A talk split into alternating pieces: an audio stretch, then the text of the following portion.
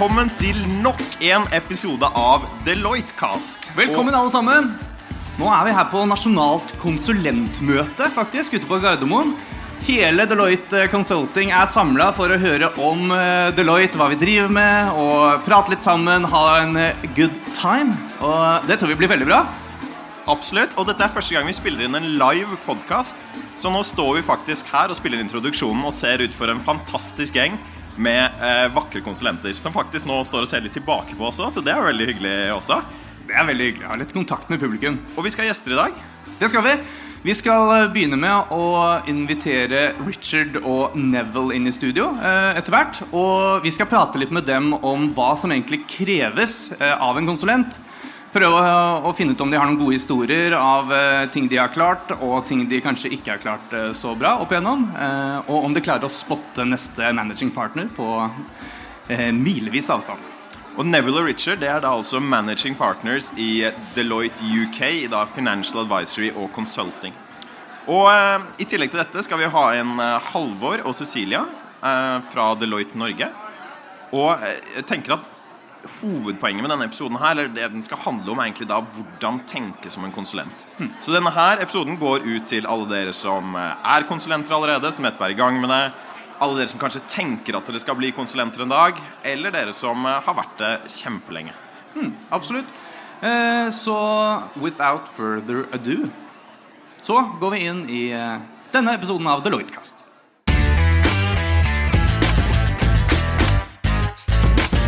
So now we are here with Richard Houston and uh, Neville Kahn. Uh, quick introduction uh, Richard is the managing partner of consulting in Deloitte UK and soon to be uh, Northwestern Europe. Uh, so he is our boss, basically. and he is also the senior partner from the financial industries uh, services and has been working for Deloitte for 14 and a half years. Neville Kahn is the managing partner of financial advisory in the UK and has been working for uh, Deloitte for 14 and a half years as well. And is a big fan of Arsenal. Absolutely. I mean, Arsenal was uh, really my second team. My first team, always from a young child, was Stabæk. In, Oh, uh, really? From, from Oslo, yeah, exactly. Good, good to see the truth is uh, still always coming out, Neville. Correct. Is it a coincidence with the 14 and a half year for both of you? It Seems like might be something there. You started at the same time. Yeah, we started the same day. It's actually from different firms. Uh, I actually joined uh, Deloitte from PwC at that time, but Right. it happened to coincide with the Andersen transaction, which is where. Uh, which Yeah, came so I was a partner in Andersen and came across as part of the UK transaction in 2002. So, in fact, I was on gardening leave at PwC when the Andersen transaction happened, and I was sort of then told, okay, this is the firm you're joining. So it was quite interesting times. All right. Uh, so we're going to talk a bit about what it takes to be a good consultant, uh, and hopefully we can get some good stories and some good tips from you guys. Uh, so being a consultant means uh, many things. It means managing ambiguity, complexity, and structuring your day and your work, and also being quite creative. Um, in, in your uh, experience, or actually, what did you guys do right? You think, as a young consultant starting out? I think for me, the, the, the, the most important thing was, was just to make the most of every opportunity. I mean, you know, consulting is one of those things in any advisory business, you sometimes get faced with things that don't look very appealing. I remember in an early, early day, I had an opportunity to uh, go and work with a, uh, an organisation down in Swindon in the UK, and that's, that's not the most appealing place in the UK to work. And frankly, we just take make the most of it. It was absolutely fabulous. Spent six months down there and learnt loads. So for me, you know, how you really get on is make the most of opportunity and, and constantly learn. It's all about learning. Yeah.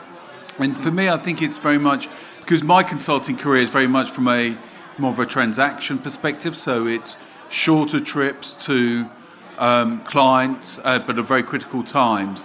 And I think the variety was amazing. But really, what I learned is that you've got to make an impact with that client very quickly. So you have to build relationships very, very quickly with your clients. And I think that's always been very, very important. So, so these relationships have, have they become even more important as you've gone along in your, career? I mean, I, I, I think so. I mean, I think people tend to forget that ultimately we're a people based business and people buy and want to work with people that they actually like, can relate to, and engage with. And therefore, actually, relationships are hugely important. And people talk about you know, selling and, and actually it's, a, it's important as you get more senior in the organization. Actually, I don't agree. I think everybody has an opportunity to build relationships with all levels. I mean, one of the interesting things, Jolyon Barker, who's our global head of TMT in, in, uh, in the firm, in fact, actually, and uh, he actually talks about a relationship he built as an analyst that he's maintained, is now the CEO of a major telecoms provider. And therefore, it's an opportunity to build and maintain those, those sorts of relationships. Yeah, I, I, I think relationship is the core of everything we do. It's the core of how we interact with each other within the business. And of course, it's, it's absolutely vital for our relationships with, with, with the clients and winning work. And interestingly, when I look back over my career around, you know, the big, big client relationships, which are the recurring relationships, they are typically with individuals that I've known, you've known them for a long time. And actually, they're relationships often that were built before becoming a partner, right? As you were growing in organizations. And, you know, I would say, whilst, you know, I have quite a, a long list of relationships with clients, there's probably five or six real core relationships from a transaction perspective that keep coming and were a recurring theme. And they were all, all really developed at the early stage of my career rather than the later stage of my career. Uh, just, just one thing to add. I mean, it's, it's interesting. I think people think that relationships are formed when things are going well. You can form some of the best relationships when actually there are difficult times. I had a really tough client at uh, ABN AMRO, actually, and uh, he was actually unreasonable about what he was asking for. It was quite a difficult relationship. We had to say no a lot. He shouted a lot. But actually, he respected us for what we were doing. And as Neville's point, it's a relationship I've maintained today, and that's 15 years later. I think that's two very interesting topics that we got into there. You said, Richard, that it's important to learn as much as possible, and you talked about relationships. So, if we go into those two topics, what do you think that you have done right in, in the relationships that you have now that are strong, um, that are actually has been important to, to kind of create strong relationships? What should we do as young consultants to build relationships? Okay, I mean, when I, when I look at that, I think one of the most important skills is to remember to use your different senses, particularly your ears. I mean, obviously on the podcast you can't see, I'm pointing to my ears, and wait before you use your mouth. Okay, and in building those relationships, particularly with clients, yeah, to just to sit back, to listen, think about what they're saying, and keep listening right? Rather than go in and just tell a client this is what you should be doing. It's so important mm. because people with relationships all about how people feel. Right? And I know that if I just talk to someone, that's not really that's a one-way relationship. You've got to be listening and seeing how people feel and then reacting to it. And, I, and yeah, sorry. I, no, I was going to say, and I think certainly in the uh, two-day conference we've got here today, I know Nick Sandal's doing quite a lot about business chemistry. Right. And I think that's a fantastic thing to really get into because that's all about understanding about someone else's perspective and how they feel. So you should adapt your yeah. kind of conversation style and your message to the receiver and not think about who you are, but rather who is on the other end of it, right? Yeah, absolutely. I, I, I think I think I actually sometimes I'll sit there and I, I put myself in their shoes. How do you so kind how, of do, that? How well, you, sort of, you sort of look and you think about well, how would I feel if this was happening to me? And then I sometimes you do get quite angry, and I can quite understand that. And therefore, actually doing that helps you understand from your perspective what it's what it actually feels like from their from their perspective. The other thing, if you really want to build trust, you got to tell the truth, no matter how difficult you think it's going to be. You got to be honest, even when they don't really want to hear it. You can deliver it in a polite way. You can deliver it over several sessions. But as Neville says, listen to what they're saying, but you've got to be able, if you think there's a problem, you can't have a meeting and then avoid, and that, that's relevant for anything. It's relevant for the difficult client situation, equally relevant for the difficult performance conversation, and therefore, you know, being having that honesty is fundamentally part of what builds relationships and trust. Yeah, you ask about how how do you know how that other person's feeling and how because you know it's very easy for us all to to, to behave as we feel comfortable in. I think one of the most important things to do in any of the relationship is to ask for feedback. Mm-hmm. Now, we often talk about feedback really around internal in our relationships, get feedback how we're performing or whatever. It frustrates me that we don't do more of that actually with our clients. Now we have some client programs we go informally uh, do it, but actually you know you've got a great relationship where you can have that discussion about how the other the, the client is feeling about what you're doing and that open honest feedback from them. And I, I sometimes think that we we shy away we're a bit cautious about asking for feedback from clients but we should we should be brave enough to do that. And obviously it's a great sign of a, a good relationship. When that client can tell you that you know what? That could have been a lot better. Right. but they'll also tell you what's gone well as well So you do that after a client meeting, for example. You can ask, how did you feel about this meeting? Did we cover all the things? Did this meet your expectations? Yeah, absolutely. And, and you know, in a sort of less formal way, Right. okay? But I think it, it absolutely, it should be done. And you can do it, you know, just not when you're on a project, particularly in financial advisory, we have to pitch for a lot of work. And it's not so much a big RFP book, it's actually a lot of uh, in-person pitches. And you know what? Obviously, we want to win as many as we, we, we, we can. We don't win everything. And even more important is when you haven't won something to go back and get mm. the open, honest feedback, right? Mm. I'm sick and tired of people telling me we came a close second, right? Mm. Because that's what you always hear. Well, or, or, or it was, why. or it was the price. When in reality, it was nothing to do with the price at all. It was actually they didn't like the team, or that we weren't detailed enough. Exactly. So you've got to ask really why. understand it back from them. So I think a lot of our listeners as well are um, are curious to, to hear your opinion. So what does it really take to be a good consultant? Uh, uh, more than uh, building relationships, um, like competency-wise or skills, other skills. So are you able to kind of spot early on when you see a new consultant who will kind of do a good job, stay for a long time, stuff like that? I, I guess. you looking for? I mean, you know, for for me, it does come back to that opportunity. I, we, we operate a pretty uh, volatile and variable business. Hmm. You know, there's quite a lot happens at the last minute. You know, same actually thing in Ne- Neville's business. Yeah. Last minute things uh, come along. The ability to juggle multiple things, to be able to actually accept when you when you can't do too much and collaborate. You're asking operating a team. You know, consulting is is absolutely not a one person role. It's all about, and more and more, if we look at all the stuff we're doing in the digital space, it's all about bringing the best of technology with S&O and human capital.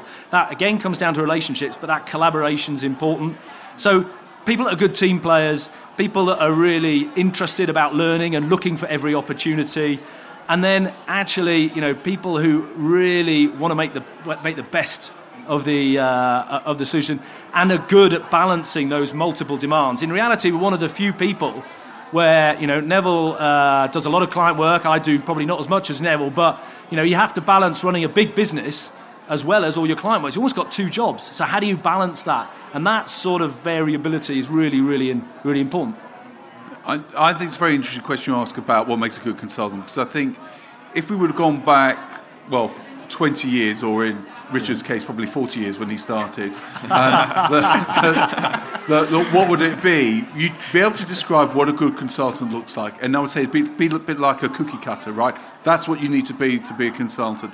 Our business now is so complex that I don't think there's a simple answer to it. And really, what it is, it's very specific, often to an industry, a capability, a skill set, right? That I think that part of it, you need to have uh, some deep expertise, right? We, we can't just sell general expertise. So you've got to be a subject matter uh, expert, and I think that's that, that that's pretty critical. But you've got to be able to then widen that in your skill set to work in a big team.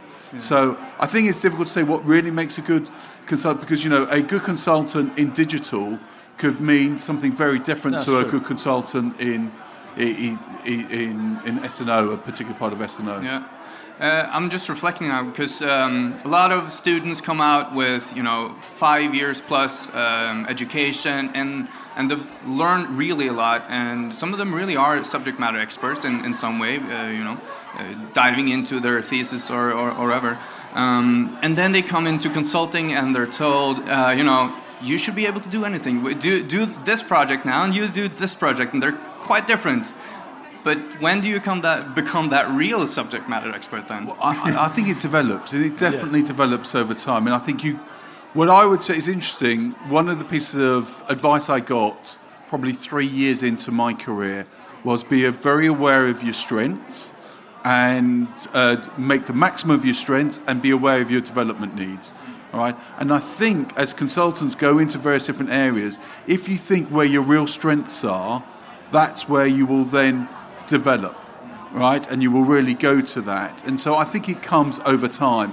No one can come in to our organisation on day one or year one or day, No. day three and know where they're going to end up because it's, it has to develop. Also, if you, if you think about it, in a, in a 10 or 15 year career, you know, what do they say about, about millennials that, you know, six, 65% of people at school at the moment actually are going to do a job that doesn't exist at the moment. So it's quite difficult now to plan on that sort of basis. Um, but I, I mean, I would never, I, I would say in consulting, you know, by the time you get to sort of senior consultant, you're starting to think about there are some things I prefer doing, some things that I'm good at, or an industry sector or technical expertise. And that's when it doesn't say you have to do that all the time, but you start to got a direction as to the skill and capability that you might want to uh, to further. What's being interesting now is, of course, in the world we're in, as Neville says, frankly, that covers a massive spectrum of things. Apps, you know, we've got psychologists in our leadership business, we've got creative design people in digital, we've got supply chain and procurement experts, you know, a whole raft of different skills and capability. So we're, we are definitely a, a, a broad spectrum employer. Something I kind of take from that is that like you don't really know what you're going to be doing in five or ten years, so you kind of have to learn all the time and continuously. And you pointed that out, Richard, as well, that that is a great consultant asset. Do you have any kind of tips or things that you have done right um, in order to learn continuously throughout your careers? I think a couple of things is that you know, to have confidence in yourself. It's not always easy, and many of us are actually quite insecure. But it's, it goes back to, to what I've I was never saying had you down earlier. as insecure. no. Well, you'd be surprised. I we all hide it sometimes.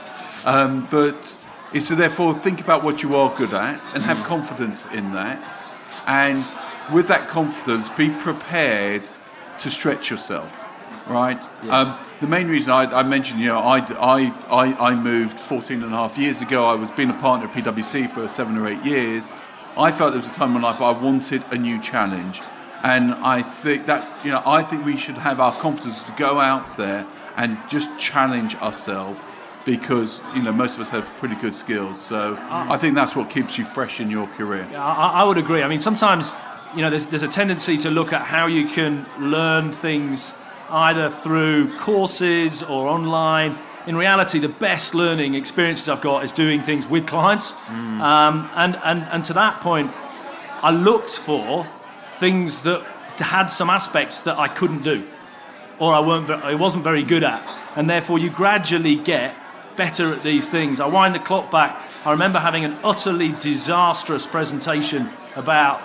Never would say, never would say, oh, that's only, only last week, Richard. But actually, no, it wasn't. It's about 15 years ago, and it was utterly awful.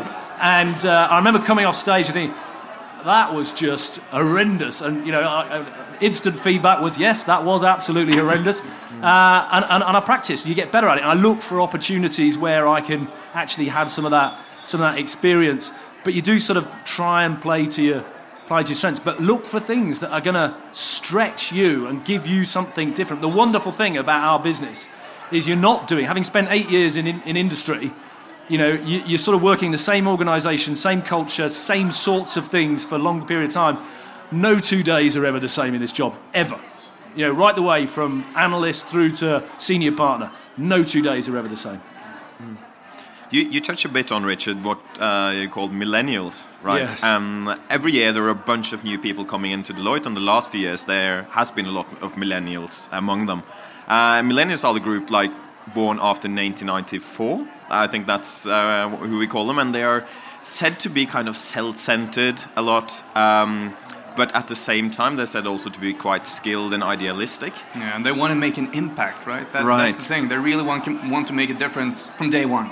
And so, like, when you get all these millennials coming into your organization, what do you and other leaders at Deloitte do to kind of cope with that? There's, a, there's, a, there's, a, there's a couple of things that. Um, one is we're, we're trying to reshape what we do in the market as being about outcomes, about rather than helping clients do stuff, actually we're about business outcomes. So people can really see the impact of what we're doing. So it's not about a PowerPoint report or a system delivered. It's about entering a new market, capturing new customers, taking cost out. You can measure and see, and that, that's a real tangible impact. The other thing that we're trying to do is clearly get much closer to linking it to a social purpose. So, you know, what, people are here to work at Deloitte, but the other thing is they are very much here to see how can we do things that have a more broader impact on society. And therefore, and it's not just charity, it could be all sorts of things. It could be pro bono work, could be things that they do locally. But it's all about having, making sure, and we, you know, one of the things we publish in the UK is the impact report, and it's all about the impact we're having, partly with our clients, but also just as importantly with society. I think the other thing we have to recognize about millennials is they may not be interested in staying for a long term career at Deloitte. You know, we have to make sure we give them the best possible experience and also something we've not always been very good at, stay in touch with them if they do choose to leave, but that they go away with a real positive experience of their, of their time here. Yeah, I'd, I'd pick up on that because I think you described it, they can be thought of as maybe being self centered. I think what is clear is that sort of contract between employee and employer is so different in their minds. And I think that's been a really positive effect on the business and So we want generally. something else from because I think it's absolutely fine for someone new into the business saying, "Well, okay, what's in it for me?" rather than just what's in it for the employer. And I think that's fantastic um, because I think one that keeps everyone on their toes, and actually you see that now happening just not in millennials, but right across the business for, for, for others who've been in the business longer. And I think that's actually a positive because I think it's absolutely fine. It's reality. Why should it just effectively, in the old days, be a one way thing? This is what your career is going to be. This is what you need to do. And if you like it, great. If not, away. No, it's different now. And I think we see that in, in society. And interestingly, we see it within the client perspective as well because we used to, I could say, as consultants and advisors, as I said, just tell clients this is what we're going to do, and they would just take it by it and find no. It's a much more challenge. It's a two-way relationship with clients, and it's a two-way relationship with all of our people. And I think that that's positive because it means that we will develop and change uh, more rapidly. Right. How about like me and Andreas are ourselves millennial, and we often find ourselves in discussions where we're talking about being impatient, wanting more things to happen, wanting to make even more of an impact on the short term as well. Do you have any advice for us millennials coming in to Deloitte? Oh yeah, I would say go for it. Yeah, so would I. I mean, you know, I, I mean, you know, I, uh, I'm sure, I'm sure your, your, your management and lead, leaders here will be, will be delighted. But I'd say, you know, keep pushing. Hmm. You know, we are a changing business. There are loads of opportunities. It isn't the easiest way of finding them necessarily. But look at what you've achieved already. You've already changed the organisation. Here we are. If, if you hadn't have done that, we wouldn't have been here. And the people would never have heard from, from Neville, and uh, I'm sure they'll be delighted to hear from Neville uh, this afternoon. But it, it, it never happened. So look what you've done already. So just start small, keep pushing, and be confident about what you can do. Have an idea and just go for it. Yeah. Absolutely. Cool. Okay. Okay. What are you going to? Are you going to come up with some really interesting idea now? Is that right? yeah, yeah. No, but I think the thing is, is that there should be less fear of failure. Yeah. Right. We talk about innovation. Rich talk about innovation. I'll talk about innovation. And one of the things about that is we're not always going to get it right. Yeah. And actually, what we should do is that if sometimes we don't get it right, we should celebrate that rather than put it under the carpet because it means we have been bold and we've tried to do something. So I think you know that's fine. Just go for it. Hmm. I think that has a lot to do with learning as well, right? If you want to accelerate learning, you have to be able to to go there and make a presentation that doesn't really make the impact you want, and then go away from that and learn from it. And Yeah, I mean, I think you know one of the things that this that we we always do is is you know it, it is about learning, and you can't learn if you don't get any any feedback. So you know if you think you're the world's you know most brilliant at PowerPoint, and yet actually someone said actually this is horrendous, unless you get the feedback, you can't, you can't change. And I think I would encourage to in to drive change. You need to give feedback, and you need to push push boundaries, hmm. really push boundaries. Hmm. Cool. That's really optimistic. Uh, I have a, a feeling that uh, things are going to go a bit better now. Uh, I, fe- I feel more confident already. Uh, this, Good. This is very good. we'll continue to push ideas, learn a lot, and build relationships, which you also talked about. Thank you so much for coming to Norway, and thank you for coming to our podcast studio. Thank you. That's Thank very kind. Thank you very you. much Thank indeed. you. Cheers. Cheers.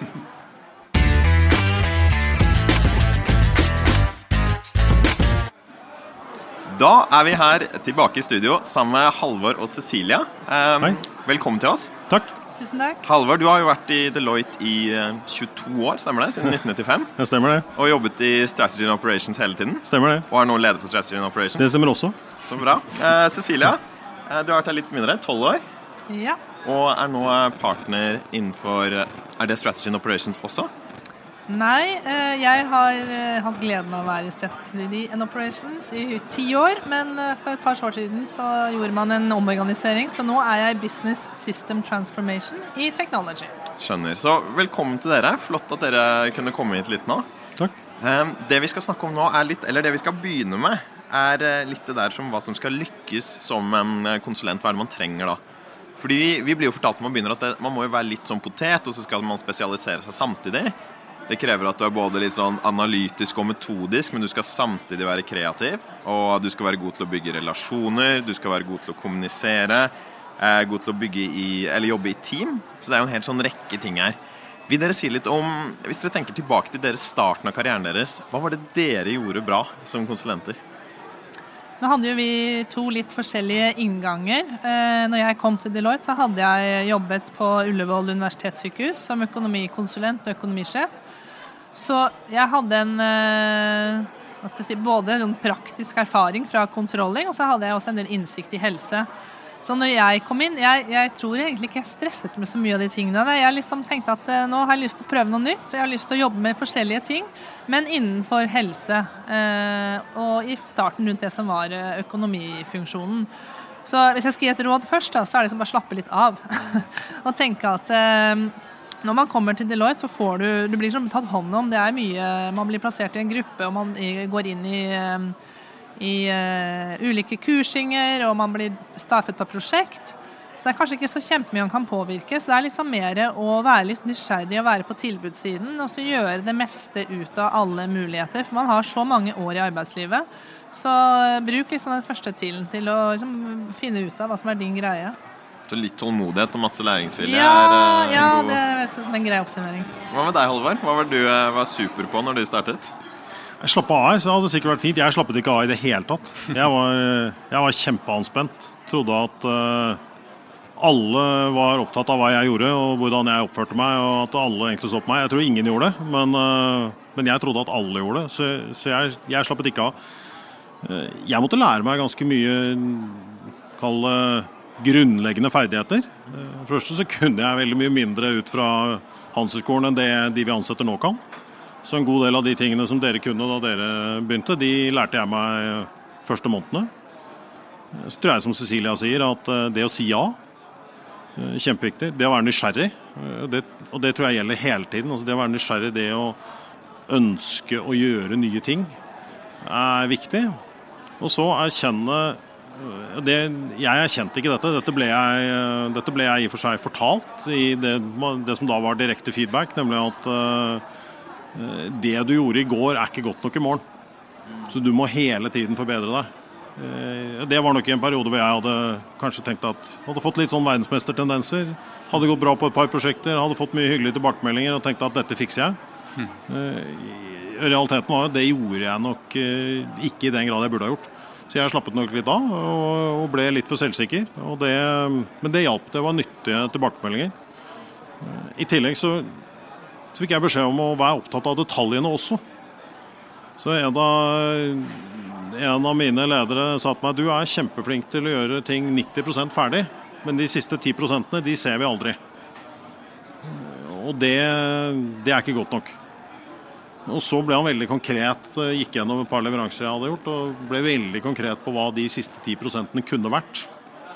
Eh, Og det, ja, det var det jeg tenkte var småting som layout, at alt var lina på en fin måte, at det var eh, klart for vedkommende å bare sende rett videre til kunden uten at han måtte lese gjennom det først.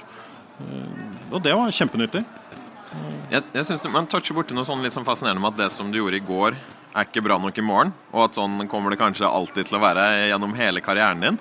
Ehm, det virker som at det, her med å klare å lære å utvikle seg kontinuerlig er noe som er, er kanskje det kjennetegnet som jeg, jeg trekker ut av samtaler om hva gjør en god konsulent. da. Har dere noen sånne tips eller vaner eller noe dere gjorde lurt for å sikre liksom en sånn kontinuerlig læring? Hva er det som gjør at man lærer si 20% mer enn alle andre? Jeg har alltid tenkt at eh, en god konsulent har en verktøyskasse. Og det er noen verktøy i den kassen som alle konsulenter eh, bør ha. Man bør ha vært på et prosjekt hvor man har jobbet som eh, prosjektstøtte, sånn at man bare kan liksom dra ut av kassen. Og Deloitte har jo masse da, selvfølgelig felles malverk, men du må vite hvordan du skal bruke det. Om det være seg prosjektplaner eller budsjetter, risikostyring. Eh, og så bør alle prosjekter ha, alle konsulenter vært gjennom kanskje en prosesskartlegging, sånn at man liksom er bevisst på det. Um, og så endrer det seg hele tiden hvordan man skal presentere det. og hvordan det kommer liksom, Man må hele tiden holde seg oppdatert. Uh, hvordan man skal fasilitere møter. og det er jo noe med å på måte jobbet litt forskjellig, og så er det ikke sånn at selv om du kanskje har vært prosjektstøtte eller prosjektmedarbeider i et halvt år, at du liksom da er ferdig utlært. Du har kanskje, Jeg skriver stadig vekk referater fortsatt. Jeg syns det er faktisk en kjempeviktig ting. Og finner liksom stadig vekk nye måter å gjøre det på, for det er liksom et, et viktig dokument. da. Så eh, det å diskutere med andre var liksom de der grunnleggende ferdighetene som gjør at du raskt forstår og kan strukturere problemstillinger. Mm. Det Diskuter litt det. Hva skal være inni den verktøyskassa? Mm. Oi. Har du noen tanker om det, eller Halvor? Jeg tror jeg har prøvd å være veldig bevisst alltid på hva jeg har gjort. Mm. Prøvd å ha et veldig aktivt eh, forhold til arbeidshverdagen. Så jeg har sett på de rundt meg og prøvd å lære av eh, det jeg syns de har både gjort godt og ikke fullt så godt. Og det, det, gjør jeg fortsatt. Så det gjelder jo fra i mitt tilfelle føler jeg det, jeg lærer noe fra konsulenter til, til partnere, eh, fra personer innad i consulting og personer utenfra. Og så, så, ser jeg på hva av det de gjør som jeg syns funker. Kan jeg gjøre det samme? Og i noen tilfeller så kan jeg, andre tilfeller kan jeg ikke det, fordi at det vil ikke passe for meg. Jeg prøver hele tiden å ja, lære tips og triks. Og så har nok jeg alltid søkt situasjoner og roller hvor jeg vet at jeg har blitt utfordret og presset. Så jeg vet at jeg eh, får oppgaver som er utenfor det jeg vanligvis er vant til å gjøre eller har klart før. Og det er jo, det er jo de litt, kall det de litt ekstreme prosjektsituasjonene, eller jeg refererte til 'the carrot and the stick'. Altså det år, De 18 månedene vi har jobbet i USA, jeg, klart, jeg lærte enormt masse. Og, og, arbeidshverdagen når jeg da kom tilbake til eh, Oslo, var jo eh, Jeg skal ikke si den var enkel, for det var den ikke, men det var en, det var en setting hvor jeg hele tiden har opplevd noe mer ekstremt. Og, og dro veksler på det i, i, forhold til å løse oppgaver uh, i hverdagen da. Men, men ha et bevisst forhold til hva du vil lære. Som, eh, som, student da, så går man jo egentlig rundt og tenker på litt sånn Ok, eh, jeg lærer masse på skolen, og så skal jeg ut i arbeidslivet et eller annet sted. Men hva er det jeg egentlig lærer nå som jeg får bruk for senere? Mm. Og så kommer du inn her da, som konsulent, og så begynner du egentlig å tenke andre veien. Hva er det jeg egentlig har lært som jeg bruker nå? Har dere noen tanker om det? Er, dere, er det noe dere bruker i dag som dere lærte på skolen? Eh, ja, det er nok det. Men eh, hva er det man lærer, da? Det er jo kanskje det å tilegne seg informasjon raskt, strukturere det. Eh, I forhold til økonomi så er det jo en hel del klar faglig læring. Nå tror jeg alle må overta. det er forsvant stemmen. Alle Jeg oppfatter at veldig mange av rammeverkene jeg lærte, har jeg hatt nytte av etterpå. Jeg syns samfunnsøkonomi var veldig interessant. Og, og den, det å ha et bevisst forhold til samfunnet rundt meg og det næringslivet som kunden befinner seg i. Mm. Og, og, de mekanismene ute i næringslivet og i samfunnet som påvirker kundens økonomi, har, har vært veldig nyttig. Så altså, i tillegg til nok det å altså, I tillegg til gode arbeidsvaner mm. og det å klare å gjøre forskjellige ting på en gang. Men, men, men jeg tror at ballasten som jeg har eh, faglig, har vært nyttig mm. egentlig hele tiden. Så Det er ganske konkrete ting man lærer på f.eks. på et eh, økonomistudie. Da. Ja. da lærer man eh, rammemodeller og kalkyler og, og det som er. Ja. Men det er kanskje ikke så lett å bruke soft skills fra, fra skolen? Vet ikke. Jeg, alltid, jeg engasjerte meg ganske mye utenfor studiene og får ofte spørsmål Eh, hvor mye verdsetter man det? Og så tror jeg at Det som kjennetegner mine medstudenter, er jo de som både klarte å få gode resultater og lære mye akademisk, men også var engasjert. Det er jo de som er, altså uten unntak har gjort det bra etterpå, eh, og gjort det best etterpå. Men, men mye av det jeg Mye av de erfaringene jeg fikk for å engasjere meg uh, utenfor, utenfor, skolen, nok, ga nok meg mye soft skills. Og det, så det har jeg fått mye igjen for etterpå. Men, ehm, men jeg måtte lese òg, ja. Det er et sånn uh, sitat som handler om det, liksom, det med tekniske ferdigheter eller uh, soft skills eller rasjonelle ferdigheter, som kommer fra en som heter Victor Cheng, hvor han sier at You get hired in consulting for your technical skills, but you are promoted for your interpersonal and soft skills. Er det sant? Tenker du det?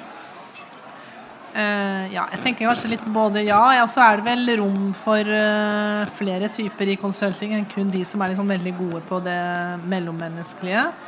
Uh, men klart, veldig mye av konsulentvirksomheten handler jo om å håndtere mennesker, skape gode relasjoner, om det være seg spesielt mot kunde, da, men også internt. Hvis man liksom er veldig faglig flink, men liksom bare er en bulldoser som kjører over alle, så er kanskje ikke det gir en god opplevelse, da. Eh, men jeg tenker at hvis man er litt eh, sjenert, kanskje ikke syns det er så lett å snakke med det fremmede, og sånn, så kan man jo selvfølgelig bli en god konsulent. Men eh, da må man kanskje times opp med noen som er mer utadvendt, og man må jobbe mer aktivt sammen med, med de tingene. Så jeg oppfordrer også de som er kanskje litt mer, mindre utadvendte, til også å søke. Fra, fra, mitt perspektiv så syns Det er min holdning at personal skills eller soft skills kan ikke oppveie for uh, technical skills. Det er noe du må ha i tillegg. Uh, vi uh, er avhengig av å ha god fagkompetanse. Og, og, så er det veldig fint å på toppen av det ha gode soft skills. Absolutt. Men ikke som en erstatning for, men som et tillegg til, i mine øyne. Bra. Um, vi kan komme litt inn på, på dette med å være sånn nyutdannet i Deloitte. For, for, dere tar jo imot masse nye graduate hvert eneste år som ja. skal inn i det store Deloitte-systemet. Og, og, de som har kommet de siste årene, det er jo det vi kaller millennials. De som er født etter 1984. Som ofte da beskrives som litt sånn selvsentrerte og utålmodige, men også ganske dyktige og idealistiske. Hva, hva, er det dere på en måte som ledere og andre ledere i Deloitte må gjøre for å på en måte håndtere disse millennials på en uh, best mulig måte? Vi kan si det sånn at Den der tiden i august er litt sånn skremmende for oss uh, på Deloitte-huset. Fordi uh, det kommer jo mange ansatte. Liksom 15-20-30 stykker. og de er fulle av både kunnskap og entusiasme og forventninger. Og så er de et par dager i Bjørvika, så bare forsvinner de opp på kursing på Nordfjell. Og da eh, jobber jo vi, og vi har planlagt dette godt, da, men vi ønsker jo at alle skal ha noe å gjøre fra dag én. Eh, men det er også litt sånn med hjertet i halsen, for vi på Mo vil jo ikke hva skal jeg kalle det si, vi vil jo at alle skal få en god start, for det er ofte viktig. Å passe på at man går ut i ja, Kan vi selge noen ute, at kunden får en konsulent for free da, en måned, for å gi alle de beste mulighetene? Men min erfaring er jo at det er superkompetente konsulenter som vi ansetter, men litt utålmodige, ja. Av og til. Vært et prosjekt. Nei, nå er jeg ferdig med det. Nå vil jeg videre. Eh, kan jeg jobbe i Singapore? Kan jeg dit? Nei, nå vil jeg i en annen bransje. Så det er veldig det å sette forventninger og liksom ha en sånn åpen dialog på det at jeg bygger en karriere finne en jobb man er tilfreds med, det tar liksom tid. Og man er ikke superhappy på jobben hver dag. Jeg er ikke det, men overall så har man på en måte funnet rette sted å være da.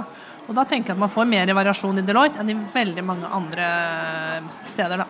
Men Er dette annerledes nå enn det var eh, for noen år siden? Er dette med millennials faktisk eh, en greie? Hvordan var dere da dere starta? Jeg var i hvert fall utålmodig. Mm. Så håper jeg var dyktig. Mm. Så du var litt millennial forut for din tid, egentlig? Jeg vet ikke. Jeg var ikke, ja. jeg var ikke idealistisk. Det, vil, det jeg tror jeg ikke det er noen som vil beskrive meg som. Jeg var kanskje litt selvsentrert. Jeg opplever imidlertid at uh, hvis jeg ser på de som begynner hos oss, så, så syns jeg vi kan kjenne deg de som dyktige, idealistiske og utålmodige. Men ikke nødvendigvis selvsentrerte. Jeg kjenner meg ikke igjen i det hvis jeg skulle beskrevet de 30-40 som begynner hos oss uh, uh, hvert år. Og det er, et, altså det er et privilegium for en, en, virksomhet å få så mange medarbeidere med de karakteristikkene inn hvert år. Og det, selvfølgelig er det en, en utfordring for oss som ledere. Vi må være tydelige. Vi må sette forventninger. Vi må våge å dele av våre erfaringer. Jeg tror at gjennom å, å dele av de erfaringene vi har fra et langt arbeidsliv, så, så er vi med på å, å gi en litt lengre horisont enn det du har når du er eh, tidlig til midten av 20-årene. Og det er klart at for oss så er har du jobbet i, i 2-3-24 år, så er ett år fortoner seg som uh, ganske kort tidsperiode. Hvis du har jobbet i uh, tre måneder, så er ett år en evighet. Og Det er å, å prøve å sette ting litt i perspektiv og, og bevege, altså være med på å styre den utålmodigheten. Og så er det å, å klare å trekke veksler på dyktigheten og idealismen. For altså, Dyktige og idealistiske medarbeidere, det er en drøm. Skal jeg fortelle en liten historie om når jeg startet som konsulent? Ja. For da hadde jeg en utrolig god prosjektleder. Eh, det, var Det tror jeg også. Det tror jeg også. det var, denne, det var Halvor. Eh, og da lærte jeg jo noe som var veldig Som jeg tror også mange Jeg kom jo fra helse, og jeg jobbet mye med økonomi, og prosjektet var innenfor noe jeg følte meg trygg innenfor. og eh, etter at jeg hadde gjort en del analyser, så tror jeg kanskje du Halvor tenkte at nei, nei, men dette går bra, liksom, Cecilia. Hun kan eh, sitte oppe hos kundene og produsere dette. Og jeg satt der som en flittig maur og produserte analyse på analyse. For på for på for på for på for. på feil. Eh, Jeg tror liksom aldri, jeg vet ikke om jeg husker jeg ringte deg. Jeg synes sikkert det var litt skummelt å ringe Halvor. Så når vi liksom begynte å nærme seg levering, og Halvor skulle liksom begynne å trekke dette sammen og få ut essensen, så hadde jeg en sånn dekk vet ikke, sånn 300 slides. Eh, og den var så svær at vi kunne ikke sende på e-post. Eh, så Halvor måtte liksom komme hjem til meg og hente den på minnepenn. Eh, og jeg, og jeg, men jeg husker Klokken åtte om kvelden. klokka åtte om kvelden. Eh, så det jeg tenker eh, men det, Litt det gikk. sent. Det var litt sent, ja. Men vi gikk i møte, og jeg vet ikke hva som skjedde den natten, men Halvor hadde liksom dratt den sammen og fått ut det viktigste, og jeg liksom satt på bakerste benk i det styringsgruppemøtet og så hvordan dette ble lagt fram, og det, jeg syns jo det gikk bra, Halvor. Det gikk fint. Men jeg lærte jo det at eh, hvis man viser at man kan, så blir man gitt veldig raskt ansvar. Men du må da også huske på at du må ha kontakt med eh, hva skal vi si, partner og prosjektleder. Eh, for det er jo noe som heter tidsstyring og styring av egen tid. Og jeg tror kanskje dette var et fastprisprosjekt, for jeg stemte jeg sprengte den timen den timene så det sang. Jeg visste jo ikke det at Halvor måtte stå til ansvar og forklare hvorfor vi måtte avskrive alle disse timene. Så husk på å jobbe effektivt eh, og hold god kommunikasjon, selv om du ikke hører noe. Våg å stille spørsmål. Jeg, jeg, og, og våg å stille spørsmål med mulige med svaralternativer. Det fikk jeg også høre tidlig. For jeg var jo veldig flink til å stille spørsmål. Mens øh, min prosjektleder på et tidspunkt sa Halvor, jeg balanserer øh, Jeg er ansvarlig for fem prosjekter i parallell. Det er ikke bare ditt. Jeg klarer ikke å sette meg inn i din situasjon så kjapt som du forventer. Du er, hvis du ikke gir meg noen, spørsmål, noen svaralternativer. Så øh, det lærte jeg tidlig. Gi svaralternativer. Tenk igjennom alternativene. Men som da en annen medarbeider sa til meg her for noen år siden Halvor, jeg har et spørsmål, men jeg har ikke greid å finne noen svaralternativer. Men jeg lover deg, jeg har tenkt. Og det er jeg sikker på at hun hadde. Og, det, og, og, og når du har tenkt, og du likevel ikke har noen alternativer, da skal du i hvert fall stille spørsmål. For da er det helt nødvendig. For da løser vi det opp sammen, og så går vi videre. Før vi avslutter, bare nødt til å eh, stille sånn litt konkret spørsmål. Dere har noen konkrete tips. Har- Denne episoden heter 'Hvordan lykkes som konsulent'. Og en viktig, et viktig steg for å komme inn i konsulentverden er jo å eh, ha intervju. Eh, og case-intervju er en viktig bit av det. Eh, så kjapt, da. Hvordan lykkes, som, altså, hvordan lykkes i case-intervju? Hva er det man ser etter der? Vi ser etter en mulighet til å fokusere på det viktigste. Så det å klare å trekke essensen ut av det caset man eh, får presentert, som betyr å være i, mange, I de fleste tilfeller så betyr det å ta seg tid. Så det jeg lærte på ungdomsskolen, les oppgaven nøye. Det er nyttig her også. Ta et skritt tilbake og trekk ut essensen. Og så prøv å sette ting i sammenheng, gjerne med bruk av noe enkel metode. Ikke overkomplisere ting. Prøve å strukturere informasjonen på en eller annen måte? Jeg Det tenker er at det er jo ikke, et- det er jo ikke ofte sånn, Vi ser jo ikke etter det riktige svaret. Vi ser jo til hvordan du har eh, strukturert og reflektert eh, rundt den problemstillingen. Så våge å resonnere høyt. Tusen takk for at dere kom, Halvor og Cecilia. Det har vært en strålende jobb både på scene og i studio i dag. Takk skal du ha. Hyggelig. Gleder meg til resten av dagen også. Takk i Det like gjør vi måte. også. Tusen takk.